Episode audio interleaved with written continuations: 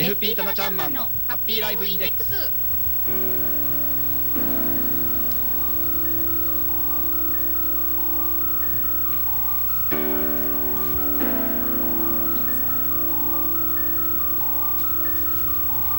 FP タナちゃんマンのハッピーライフインデックス。この時間はあなたの夢と未来をトータルサポートするライフサポート有限会社の提供でお送りします。私たちと一緒に明るい未来幸せな生活になるためのマネーライフを考えてみませんか？この番組ではあなたからの疑問質問も受け付けています。宛先は hama アットマーク p-wave.ne.jp ハマアットマーク p-wave.ne.jp です。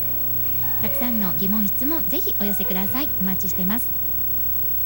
さあそれでは今日も早速一級ファイナンシャルプランニング技能士ライフサポート有限会社代表のタナちゃんマンを呼んでみましょう。せーのタナちゃんマはいこんにちは棚橋です。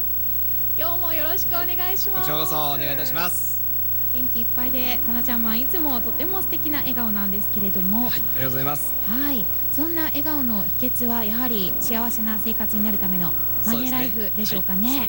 はい今日も素敵なアドバイスよろしくお願いします。はいこちらこそお願いいたします。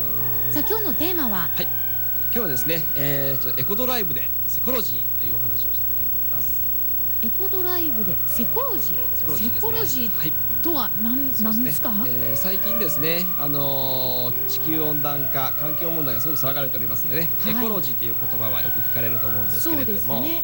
まあ、エコドライブをしてせこくエコロジーをしていきましょうよと。いうことですね。せこい、えー、エコロジー、はい。セコロジー、はい。それ倹約節約ということですよね。節約ですね。そうですね。要するに、はい。はい。なるほど。エコドライブといえばあのーなかなかエコなドライブって今難しい状況ですよね。そうです。ねガソリンがすごく高くなっておりますのでね、暫定税率も復活しましたし、はいはいいきなりもう30円近くねガソリンが上がりましたのでね。はい。はさあそんなエコドライブのポイントなどあるんでしょうかね？そうですね。はい。あのーいろいろですね、私も調べてまいりました。私も実際やってるんですけれども、はい。えーよく最近ですね、やっぱり環境問題を言われておりまして、えーストップアイドリングだとかですね、うんうんえー地球環境のその CO2 削減で、えーマイナス6%運動だとかですね、いろいろ言われております。はいで、えー私もですね、その話を聞きまして、えーまあ昨年ぐらいから、えーちょっと1年ぐらい前ですかね、信号待ちの時にエンジンを切るようにしております。おやっぱりあのちょっとの時間だけでも切る方がそうですね。違うんでしょうかね。はい。で、あのー確かにですね、燃費は伸びるんですよ。はい。で、どれぐらい伸びるのかな、はいとかですね、あの自分なりに自分の車でですね、私が 1800cc のミニバンっていう車に乗ってるんですけれども、えー通常それまで9キロ弱、1リッターで9キロ弱しか走ってなかったのがですね、はい。平均して大体10キロちょっと超えるぐらいまで行くんですね、1リッターで、はい結構伸びるんだなっていうことでねえーでよくこういうお話をしますとはい。エンジンかけるときって結構回転数上がるじゃないですか、はい。はい。なのでそんな大したことないんじゃないってよく言われるんですね。どうなのって実際思ったりもしますよね。でちょっと私調べたんですけれども、はい。さすが。おおむね5秒以上エンジンを、えー停止時間が5秒以上あればですね、はいエンジン切った方がいいですよっていうことが出てます。調査結果。はい。これですね、新潟県の上越市でですね、はいえー上越市の職員に対してエコドライブ推進課っていうのがあってですね、はいそこがまとめた資料なんですけれども、はい。えー5秒以上エンジンを止めると指導時のお燃料増加分を差し引いても節約になりますという結果が出てますなるほど。なので信号待ち確実にエンジン切った方が節約になりますね5はい秒以上はかなりありますもんね。ありますねね。はいああそうですか。はい、であとですね発進の時あるいはその走行中の注意事項なんかも出てるんですけれども、私もこの資料を見てですね、えー先週からちょっと注意をしているようにしたんですけれども、はい。えー発進の時、えードライブレンジに入れて、あはいえーブレーキからあ足を離して、はいアクセルを踏み込むじゃないですか、はい。その時にですねブレーキから足を離して一息置くんですよブレーキから足を離し一息そうすると、うんはい。一息をすすぐアクセルを踏み込むんではなくて、ちょっと一息置いてアクセルを踏み込む。でその一息置くタイミングで少しこう車がそろそろっとこう前に進みますよね。そうですね。進み始めてからアクセルをゆっくり踏み込むば、はい。発進の時のですね消費燃料が減るらしいんですね。そうですか。は自然のあの車が進むのに一瞬任せるとそうですね。い。う感じ。はい。一息置いてアクセルをゆっくり踏み込んで、はい。で、えースピードが一定速度になったら、えーアアクセルのですね強弱をあまり変えずにはい、一定のそうですね。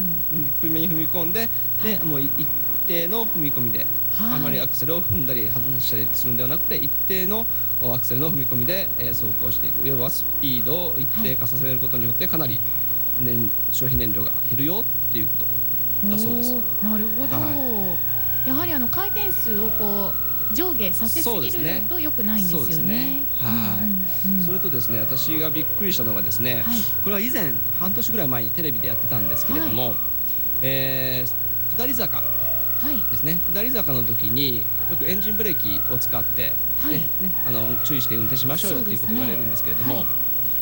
下り坂で、えーまあ、当然か、ね、あの加速していくじゃないですか下りですから、はでその時に、えーギアをですねセカンドに落とすとかですね、はい。えーあるいはそのオーバードライブがついてるオーバーのをねおオフにしたりとか、はい。えーするとエンジンブレーキが効いて、はい。安全に走れますよ。でそれではい。燃料の、節約にもつながりますよっていうことを以前テレビで見たんですね。えええでえ私やってみたんですけど、はいエンジン回転があ当然上がりますよね。ギアを落とすと。回転数上がりますよね、ええ。上がるもんですからガソリン食ってんじゃないかはい。って思ってたんですよ、はい。単純に、うん。でねこの資料を見るとですねエンジンブレーキを使うとですね、はい。エンジン、えー燃料のですね、はい。えーいインジェクターっていうんですかね、ねえー燃料噴射が燃料カットされるように車って設計されてるらしいんですね。えっ、とそのブレーキを、はい。エンジンブレーキかけるとですか、っていうとですね、のはですねアクセルをオフにしちゃうアクセルから足を離すとですね、はい。えーアクセルが閉じた状態になりますので、はい。燃料がガソリンの中に行かないらしいんですよ。なるほど、うんうん、で、えー要はガソリンもあのエンジンの中が燃焼せずに走っているのでエンジンブレーキが効いて、えーエンジンブレーキが効くのと、えー燃料があー節約できるという2つのはい。メリットがあるんですよということがこの資料には載ってます。なるほど、はい、じゃあ一瞬こう回転数がぐわっと上がるんだけれども。そうですね。燃料は使ってないもんですから安全運転ができつつ燃料のお省エネにもつながるというはい。感じですよね。はい。それもポイントでね。いろいろ下り坂の時にははい、そうですね。よく使われる方が、そうですね。おすすめですね。はい、そうですね。だから下り坂の時はギアを一つ落として、はい、うんあのアクセルとブレーキで速度調整するんではなくて、エンジンブレーキを使って、ねうんえー速度調整をしていただければ省エネプラス安全運転というところでいいのかなっていうイメージですね。なるほど、はい。そうなんですねちなみに私、あのオートマ限定免許なんで、はい。マニュアル車のことあんまりよくわかんないんですけれども、はいマニュアル車でも同じことが言えます。か？はい。同じですね。アクセルから足を離すと燃料噴射が停止されるっていう形だそうですのでね。はい。なるほど、エコドライブガソリン代は高騰してますけれども、ね。はい。ちょっとした工夫で、えー財布にも優しくてそ,、して地球にも優しいというポイントがあるんですね。はい。さあそしてセコロジーセセコロジーって何何でしたっけ？セコロジー、セコク。セコイ。エコロジーで、エコロジー。はい。でえー、セコク行けばお財布にもエコロジーと。はい。いったイメージでしょうか。セコイポイント、はい。えーいろいろなところでその細かく節約していくことがいいってことでしょうかね。はい。でちなみにですね、はいあのーまあリッター9キロ弱がですねリッター、えー、10キロ走ることになったってはい。いうところなんですけれども、ええ。1日、えー通勤でね車乗ってるよっていう方、通勤、えー10キロ片道10キロ往復20キロとするとですね、はい。えー年間約4800キロぐらい走る形になりますね、えー、1ヶ月20日間労働として。でそうするとですね、えー年間で約うーんどうだ？ごめんなさいちょっと。数字を今計算していただいておりますけれども、さすがきちんとしたデータでねはい、約84リットル節約におー1年間でなりますでうん今大ガソリンが158円ぐらいしますのでですね年間1万3270円ぐらいと1年で計算するとかなりの節約になるんですはい、そうですね。ね。まあ家族一回ね外食ができるのかなっていう感じですかね。わ、かりました。さあ今日も、えーエコドライブでセコロジーというマネーライフのポイントを教えていただきました。ありがとうございます。はい。FP タナちゃんマンのハッピーライフインデックス。この時間はあなたの夢と未来をトータルサポートするライフサポート有限会社の提供で浜園サテライトスタジオからお送りしました。それではまた来週この時間にお会いしましょう。ありがとうございました。ありがとうございました。失礼します。